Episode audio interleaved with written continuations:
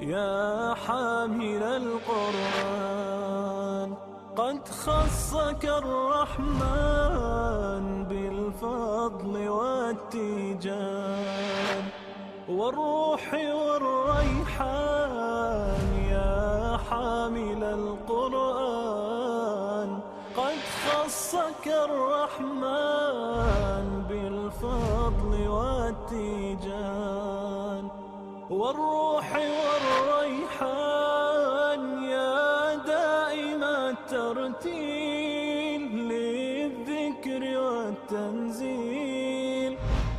بشراك يوم رحيل ستفوز بالغفران يا قارئ الآيات في الجمع والخلوات تزهو بك السلام عليكم ورحمة الله وبركاته. بسم الله الرحمن الرحيم. الحمد لله رب العالمين وصلى الله وسلم وبارك على نبينا محمد وعلى آله وأصحابه أجمعين اللهم لا علم لنا إلا ما علمتنا إنك أنت العليم الحكيم اللهم علمنا ما ينفعنا وانفعنا بما علمتنا وزدنا علما يا رب العالمين Sva slava i hvala pripadaju samo uzvišenom Allahu. Neka su slava i hvala uzvišenom Allahu onolika kolika je njegova veličina i koliko samo njemu uzvišenom i dolikuje.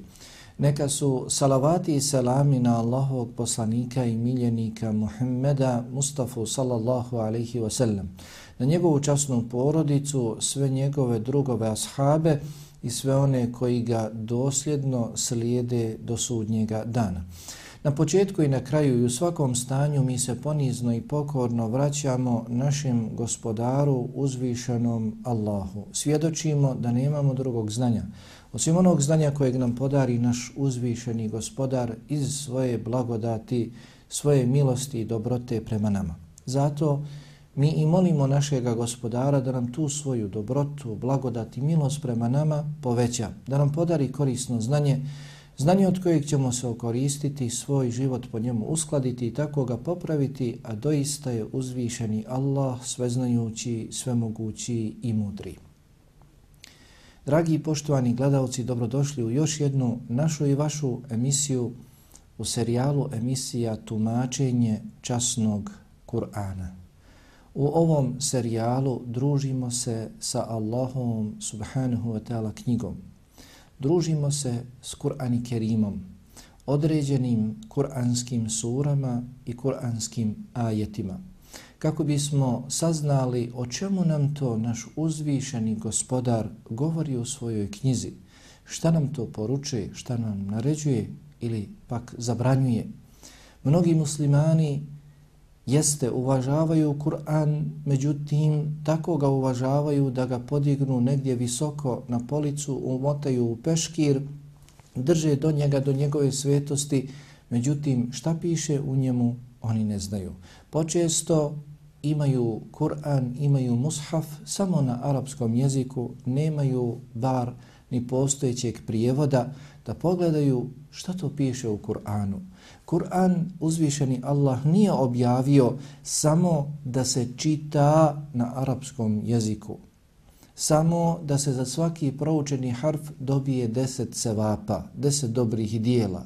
Kur'an je prvenstveno objavljen da se on čita, izučava, proučava, da se radi po njemu. Kur'an je Allah subhanahu wa ta'ala objavio kao recept, kao upustvo, kako, na koji način provesti život na ovome svijetu. Uzvišeni Allah sve nas je stvorio i nije nas prepustio nama samima, jer mi ne bismo mogli svojim manjkavim razumima shvatiti šta je dobro, a šta zlo. Mi često puta, mnogo puta, mislimo da je nešto dobro za nas, ono ispadne zlo. Mislimo da je u nečemu zlo za nas, a u tome ispadne dobro za nas. Zato je uzvišeni Allah poslao svoju knjigu, objavio svoju knjigu, spustio nam svoju knjigu, Kur'an i Kerim, i još da bi nam taj Kur'an bio jasni, da bismo znali kako koji kur'anski ajet pretočiti u praksu, kako živjeti s Kur'anom, poslao je svoga vjerovjesnika u našem slučaju Muhammeda sallallahu alaihi wasallam, kao što je i prethodnim narodima slao prethodne poslanike i vjerovjesnike. Zato svaki vjernik i vjernica trebali bi se družiti što je god moguće više s Kur'anom. Da u Kur'anu nađu, iz Kur'ana saznaju šta to uzvišeni Allah voli, kakve robove, kakve ljude uzvišeni Allah voli, koje su to njihove osobine. Ti ljudi kako, na koji način trebaju provesti svoj život, kakva dijela trebaju raditi u svome životu i slično. Za danas imamo posebnu suru. Jeste ova sura, često se u određenim prilikama, određenim prigodama citira, prevodi, tumači, međutim, idući redoslijedom kuranskih sura, ova sura došla je na red danas da o njoj govorimo. Naime, riječ je o suri El Qadr. Kao što nam je poznato, družimo se sa zadnjim kuranskim surama, odnosno zadnjim džuzom u Kur'anu, džuz Amme, koji se sastoji iz 37 sura. Sura El Qadr dobro nam je poznata uzvišeni Allah nakon bismillah kaže inna anzalnahu fi lejletil qadr. Wa ma adrake ma lejletul qadr? Lejletul qadri khayru min alfi šahru do kraja sure. Dakle govori o objavi Kur'ana u noći kadra. Lejletul qadr. Znaš li ti kakva je to noć lejletul qadr? Ta noć lejletul qadr bolja je od hiljadu mjeseci u kojoj nema te noći. U kojima nema te noći. Zatim uzvišeni Allah spominje ostale svoje dobrote, blagodati koje nam spušta u toj noći. Ova sura, sura El Qadrije, 97. sura po redoslijedu kuranskih sura. U Kur'anu imamo 114 sura, prva sura je sura El Fatiha, zadnja sura, 114. jeste sura En Nas. 97. sura jeste sura El Qadr. Prije sure El Qadr dolazi sura El Alaq. Iqra bismi rabbika alladhi khalaq. Prvi ajeti koji su objavljeni poslaniku Muhammedu sallallahu alaihi wa sallam. Nakon toga dolazi sura El Qadr, a posle sure El Qadr dolazi sura El Bejine, sura El Bejine. Pa uzvišeni Allah u ovoj suri Al-Qadr govori nam i sura Al-Qadr sastoji se iz pet ajeta, kao što nam je poznato. U tih pet ajeta nalazi se 30 riječi, a u tih 30 riječi 112 harfova. Dakle, po hadisu Allahovog poslanika alihi salatu wasalam, ko prouči jedan harf, za njega ima jedno dobro dijelo koje se vrednuje 10 puta, odnosno čovjek ima za svaki proučeni harf 10 sevapa, ko prouči suru El Qadr iskreno, radi Allaha, očekujući nagradu od Allaha, ni od koga drugog, ima 1120, 1120 dobrih dijela, odnosno sevapa. Ova sura El Qadr, iako je kratka, posebna je. Zbog toga je i dobila naziv Qadr. U arapskom jeziku Qadr ima značenje posebnosti.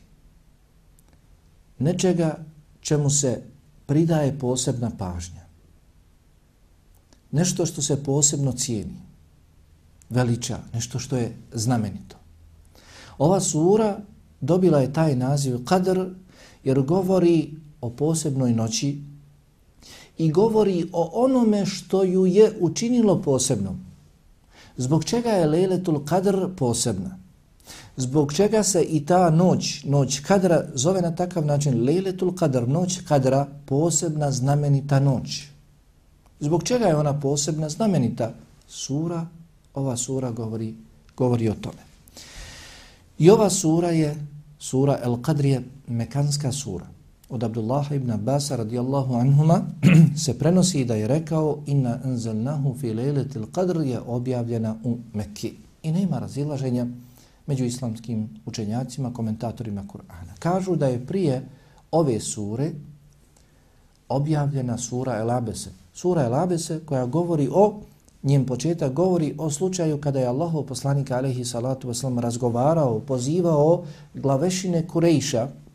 Kurejš je vodeće ljude u plemenu Kurejš kako bi ih pridobio za islam ako pridobije njih i drugi ljudi će se odazvati za svojim vođama krenuti i prihvatiti islam. Tada dok je razgovarao, došao mu je njegov drug, prijatelj, musliman, onaj koji je prihvatio islam, a bio je slijep, Abdullah ibn Umi Mektum, pa je zatražio od poslanika, alaihi salatu wasalam, nešto. I on se okrenuo od njega, namrštio.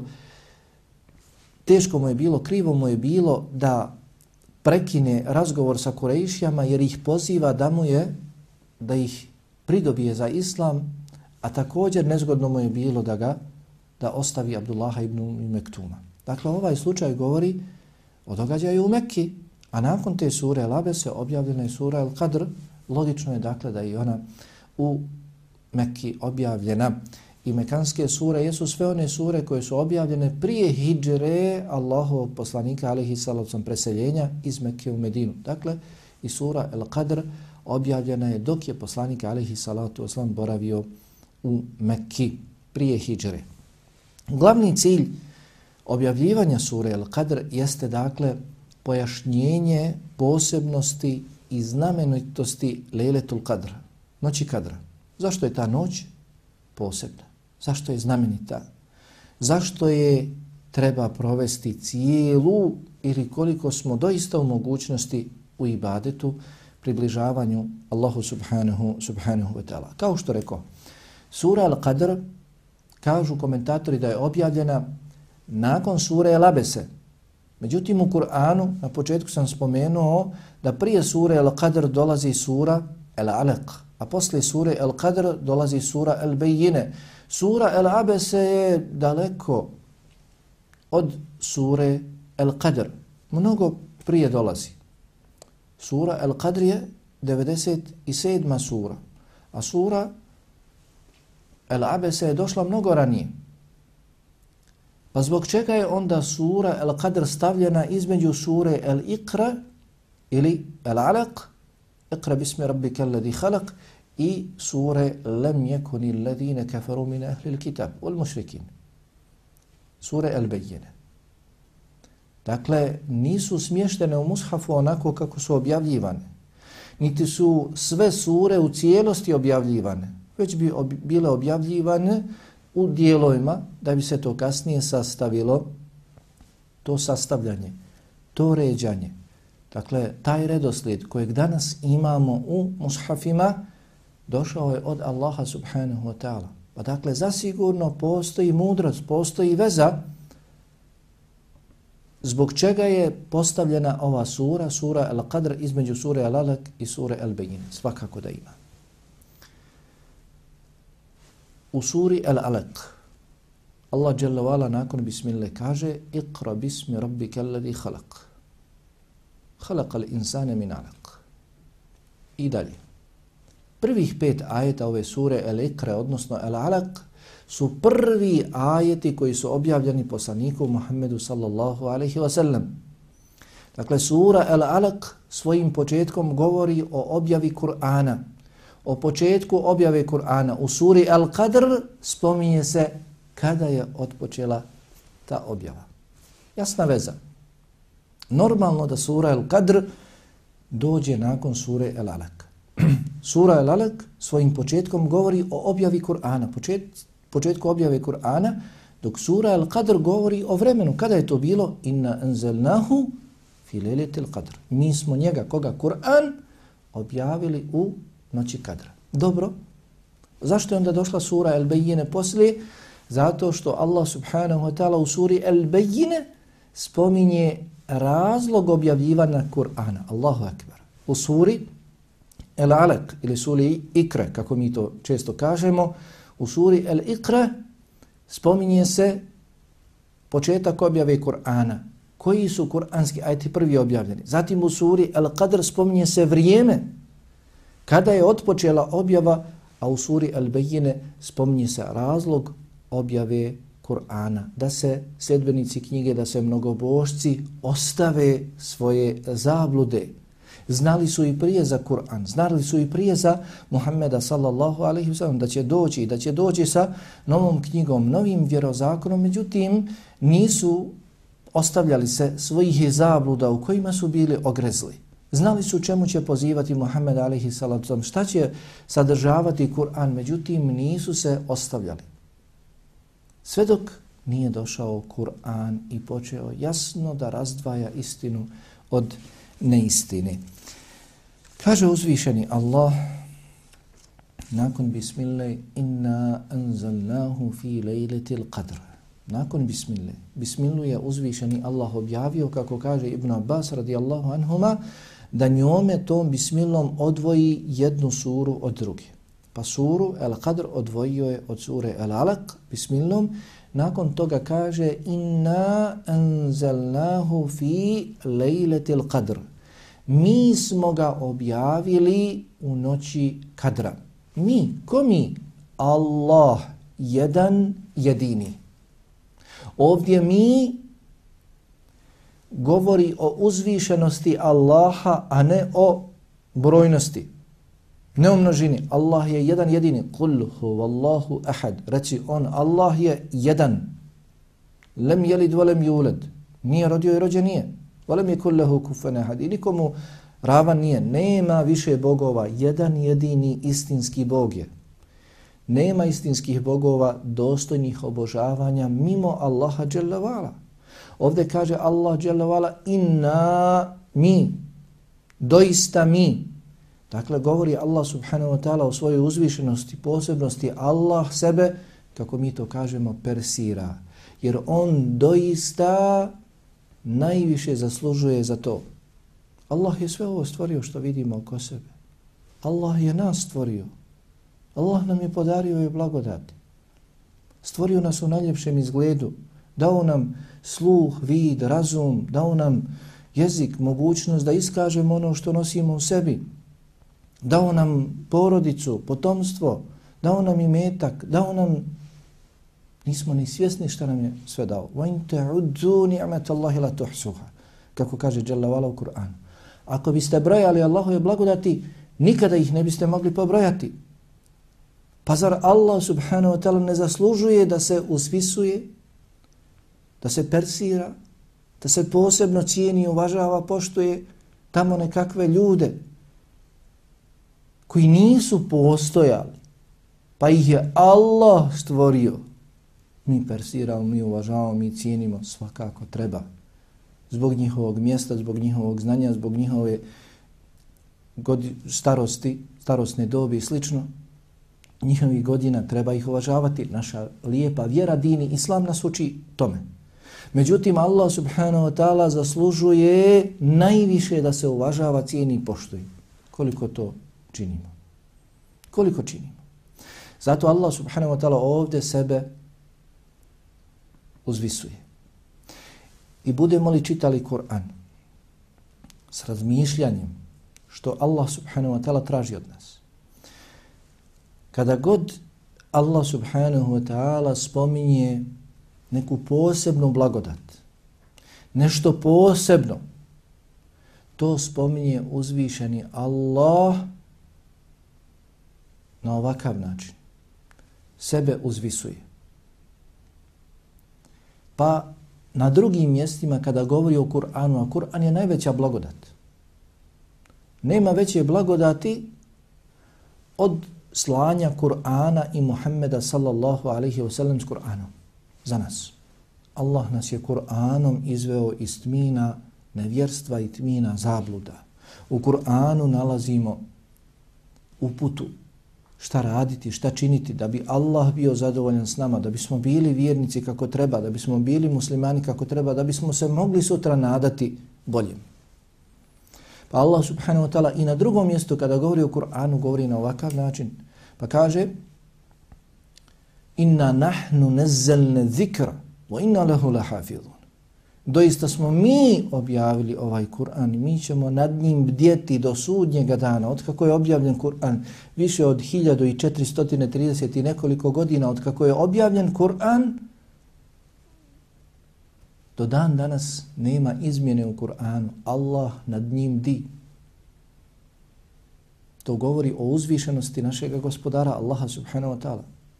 Također kada Allah dželle govori o proživljenju, što mnogi negiraju nastup sudnjeg dana i razlog zbog čega će nastupiti sudnji dan i šta će se dešavati nakon sudnjeg dana, hoće li ljudi biti proživljeni, je li samo ljudi žive na ovom dunjalu korad igre i zabave, umrijeće i neće biti više proživljeni, izvedeni pred Allaha, da ih on obračuna šta su radili od dijela, šta su govorili od riječi, kakvi su bili, u čemu su proveli svoj život, mnogi ljudi u to ne vjeruju. Zato Allah dželle kada govori o tome, opet sebe persira, uvažava, uzvisuje. Pa, kao što je poznato u suri Jasin, Inna nahnu nuhyi al-mauta wa naktubu ma qaddamu wa atharahum wa kulli shay'in ahsaynahu fi imamin mubin. Doista mi ćemo proživjeti mrtve. Allah subhanahu wa ta'ala govori o sebi, on je jedan jedini. On će to sve uraditi. Za Allaha subhanahu wa ta'ala ništa nije teško, samo kaže kun fe kun. Budi i ono bude. Ono biva. Kada Allah nešto odredi, niko se toj odredbi ne može suprostaviti. Doista mi ćemo oživjeti mrtve i mi zapisujemo ono što oni rade i što ostavljaju za sebe. Sve smo mi to pobrojali, zapisali u jasnoj knjizi, u Levhi Mahfuzu. Dakle, Allah subhanahu wa ta'ala ovdje govori o sebi, o svojoj uzvišenosti, o svojoj posebnosti, a ne dakle o svojoj brojnosti. Allah jalla vala je jedan jedini. In, inna anzalnahu fi lejletil qadr. Mi smo objavili njega ovdje, niti u prvom ajetu, drugom, trećem, do petog ajeta, nigdje se ne spominje Kur'an, a govori se o Kur'anu.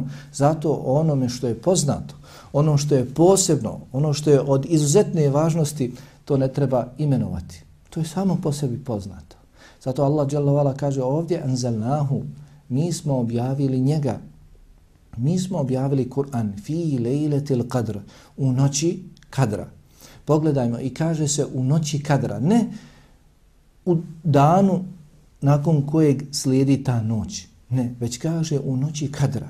I ako bismo pratili također opet kroz Kur'an i kroz sunnet hadisa Allahovog poslanika alihi salatu wasalam, mogli bismo, kako kažu učenjaci, uočiti da se najveće dobro, da se posebna Allahova milost, posebno Allahovo davanje spušta noću, a ne tokom dana, već tokom noći, u noći, Pa Allah subhanahu wa ta'ala kaže Subhana alladhi asra bi abdihi lejlen min al masjidi al haram ila al masjidi al aqsa. Neka je slavljen Allah koji je svoga roba, onaj koji je svoga roba noću premjestio iz masjidu al harama u masjidu al aqsa. Pa kaže Allah subhanahu wa ta'ala, mnogo je takvih kuranskih ajta, kaže وَمِنَ اللَّيْلِ فَتَهَجَّدْ بِهِ je probdi dio noći u namazu. Kaže Allah subhanahu wa ta'ala opisujući svoje dobro, dobre robove kanu qalile min al-layli ma yahjaun i noću su malo spavali, klanjali.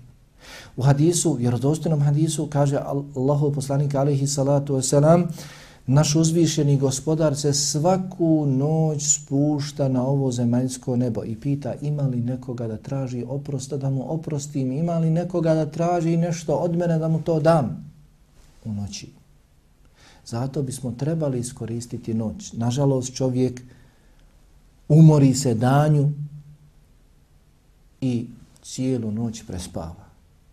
Dan iskoristi za sebe, a od noći ništa ne odvoji za svoga gospodara, za njegovo davanje, njegovu dobrotu, njegovu milost. Trebali bismo makar jedan dio noći. Makar prije nego li odemo na spavanje. Ako ne možemo već ustati pred kraj noći, kada je najbolje, kada je najevdalnije, Da ustanemo pred kraj noći i da klanjamo makar dva rekata noćnog namaza i vitr namaz i da onda tražimo oprosta za svoje grijehe kod uzvišenog Allaha subhanahu wa ta'ala. Fi lejletil qadr, mi smo ga objavili u noći kadra, u lejletul qadr, to je blagoslovljena noć koja se nalazi u blagoslovljenom Mubarek mjesecu Ramazanu u zadnjih deset noći mjeseca, mjeseca Ramazana. Zatim kaže وَمَا أَدْرَاكَ مَا لَيْلَةُ الْقَدْرِ Znaš li ti kakva je to noć? Znaš li ti kakva je to noć? Allah subhanahu wa ta'ala postavlja ovo pitanje da ukaže ponovo na posebnost te noći, na važnost te noći. Znaš li ti koliko se dobro spušta u toj noći? Zar ne znaš šta se od hajra, od bereketa, blagoslova spušta u toj noći? Ko se još spušta od stvorenja u toj noći? Kakvo se samo dobro, zlo se ne spušta u toj noći, samo se dobro spušta. Znaš li ti bolan kakva je to noć? Zatim Allah subhanahu wa ta'ala odgovara Lejletul qadri khairun min alfi šehr Noć kadra je bolja od hiljadu mjeseci. Od hiljadu mjeseci, od noći u toku, u periodu hiljadu mjeseci u kojima nema te noći. Lejletul qadr. To je noć kadra. To je lejletul qadr. Zbog toga je ona ovako vrijedna. Zbog toga je ona bolja od hiljadu mjeseci noći u kojima nema te noći. Kadra, leletul kadra. Zato što se ogromno dobro, a najveće dobro koje se spustilo u njoj jeste objava Kur'ana. Jeste Kur'an. Zatim Allah subhanahu wa ta'ala dalje kaže tenezzelu l-melaiketu ruhu fiha bi idni rabbihim min kulli amr. U njoj se spuštaju meleki i spušta se Džibril sa dozvolom njihova gospodara da riješi svaku stvar, da se riješi svaka stvar. U toj noći, noći Lejletul Kadra, spuštaju se meleki. Meleki uglavnom su stanovnici nebesa. U toj noći Kadra otvaraju se nebeska vrata i meleki se polahko spuštaju jedan za drugim. Sve dok ne ispune zemlju, a s melekima dolazi dobro. Gdje dođu meleki, tu nema njihove suprotnosti, nema šeitana, nema džina. Zbog toga u ovoj noći lejletul kadr šeitan ne može nauditi čovjeku. Zbog toga, zbog spuštanja meleka u tako ogromnom broju ispunjenja zemlje melekima, nema zla u toj noći. U toj noći je samo dobro. Međutim, dobro za vjernike one koji čine dobra djela te noći. I ova noć Lejletul Kadri je bolja od hiljadu mjeseci kasnije u kojima nema te noći, ali za vjernike. One koji čine dobra djela u toj noći. Dobro djelo učinjeno u toj noći je za vjernika bolje nego da to isto djelo čini u hiljadu narednih mjeseci, odnosno 84 godine. Odnosno 84 godine. Kao što je, kako kažu komentatori Kur'ana, grijeh koji se učini u toj noći teži od grijeha, tog istog grijeha koji bi se radio u narodnih hiljadu mjeseci, odnosno 84 godine. Dakle, dobro, bereket, blagoslov je za vjernika koji tu noć provede u dobrim, dobrim dijelima. U toj noći se spuštaju meleki općenito i posebno melek Džibril. Tenezzalul melaiketu var ruh. Ovde se pod ruh misli na meleka Džibrila. To je jedno od njegovih imena. Zašto ga je Allah spomenuo posebno? Jer je on od posebnih meleka. I on predvodi sve te druge meleke. Zatim kaže Allah dželle selamun hije hatta matla'il fajr. U njoj je spas sve dok ne nastupi zora. U njoj, u toj noći leletul kadri je spas sve dok traje noć. Sve dok ne nastupi prava zora. U njoj je spas od svakog zla. U njoj je spas od šeitana. U njoj je spas za vjernike da je iskoriste što je god moguće više do same pojave zore da čine dobra djela, jer ta dobra djela su bolja od narednih 84 godine da čine ta ista, ta ista dijela. Kaže se zašto je spas? Zato što u toj noći su meleki svugdje, pored vjernika koji klanjaju, koji uče Kur'an, koji zikre, koji dove, meleki se nalaze. I oni ih čuvaju od svakog zla. Dakle, sura Al-Qadr je posebna sura. O njoj se može pričati mnogo. I ovi kuranski ajeti, također i drugi kuranski ajeti koji su vezani s njima, i sure Duhan i slično, koji govore također o Lejletul Kadru, mogu se komentarisati i tumačiti mnogo. Ali vrijeme nam je ograničeno. Zato, dakle, ova sura je posebna sura, govori o posebnim stvarima, govori uh, o najvećoj blagodati koja nam je data, kada nam je data u mjesecu Ramazanu, jednom od najboljih mjeseci, blagoslovnom mjesecu Ramazanu, zatim u najboljem dijelu mjeseca Ramazana u zadnjih deset noći, zatim u najboljoj noći mjeseca Ramazana u Lejletul Qadr. Tada je Allah subhanahu wa ta'ala otpočeo sa objavom Kur'ana, tada je Allah subhanahu wa ta'ala učinio Muhammeda sallallahu alaihi wa sallam svojim vjerovjesnikom, tada nam je poslata najveća, najveća blagodat od Allaha subhanahu wa ta'ala. Zato je ova noć Lejletul Kadr tako blagoslovljena, tako beričetna da se dobro djelo koje se učini u njoj vrednuje toliko, toliko puta. Da je vrijednije od djela koje se učini u narednih hiljadu mjeseci, odnosno 84 godine. Zbog svega toga, ovu noć Lejletul Kadr vjernici treba iskoristiti što je god moguće bolje u dobrim dijelima, a prije svega trebaju se podučiti ovoj suri i spoznati Allahove brojne blagodati koje on nama, Allah subhanahu wa ta'ala, daje. Molim Allaha subhanahu wa ta'ala da nam omili druženje s njegovom knjigom, kuranskim surama i kuranskim ajitima, da nas pomogne u izučavanju, proučavanju Kur'ana, kako bismo što je god moguće više upoznali našega gospodara i blagodati koje nam on uzvišeni svakodnevno ukazuje, a ponajviše kako bismo upoznali ovu njegovu najveću blagodat, koju imamo kod sebe, Kur'an i Kerim. Molim Allaha subhanahu wa ta'ala da nas učini od onih koji slušaju, a zatim slijedi ono što je najbolje. Molim ga subhanahu wa ta'ala da oprosti meni i vama, mojim i vašim roditeljima i svim vjernicima, muslimanima i muslimankama. Walhamdulillahi rabbil alamin. وصلى اللهم على نبينا محمد وعلى آله وأصحابه أجمعين. والسلام عليكم ورحمة الله وبركاته.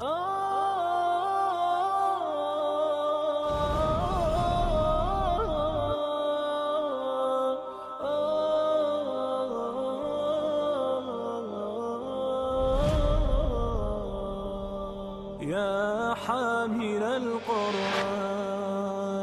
Barakatuh. خصك الرحمن بالفضل والتيجان والروح والريحان يا حامل القرآن قد خصك الرحمن بالفضل والتيجان والروح والريحان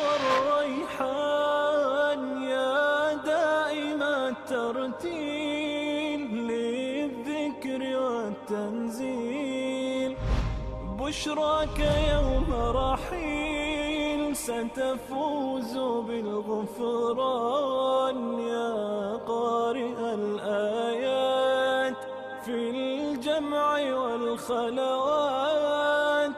تزهو بك السماء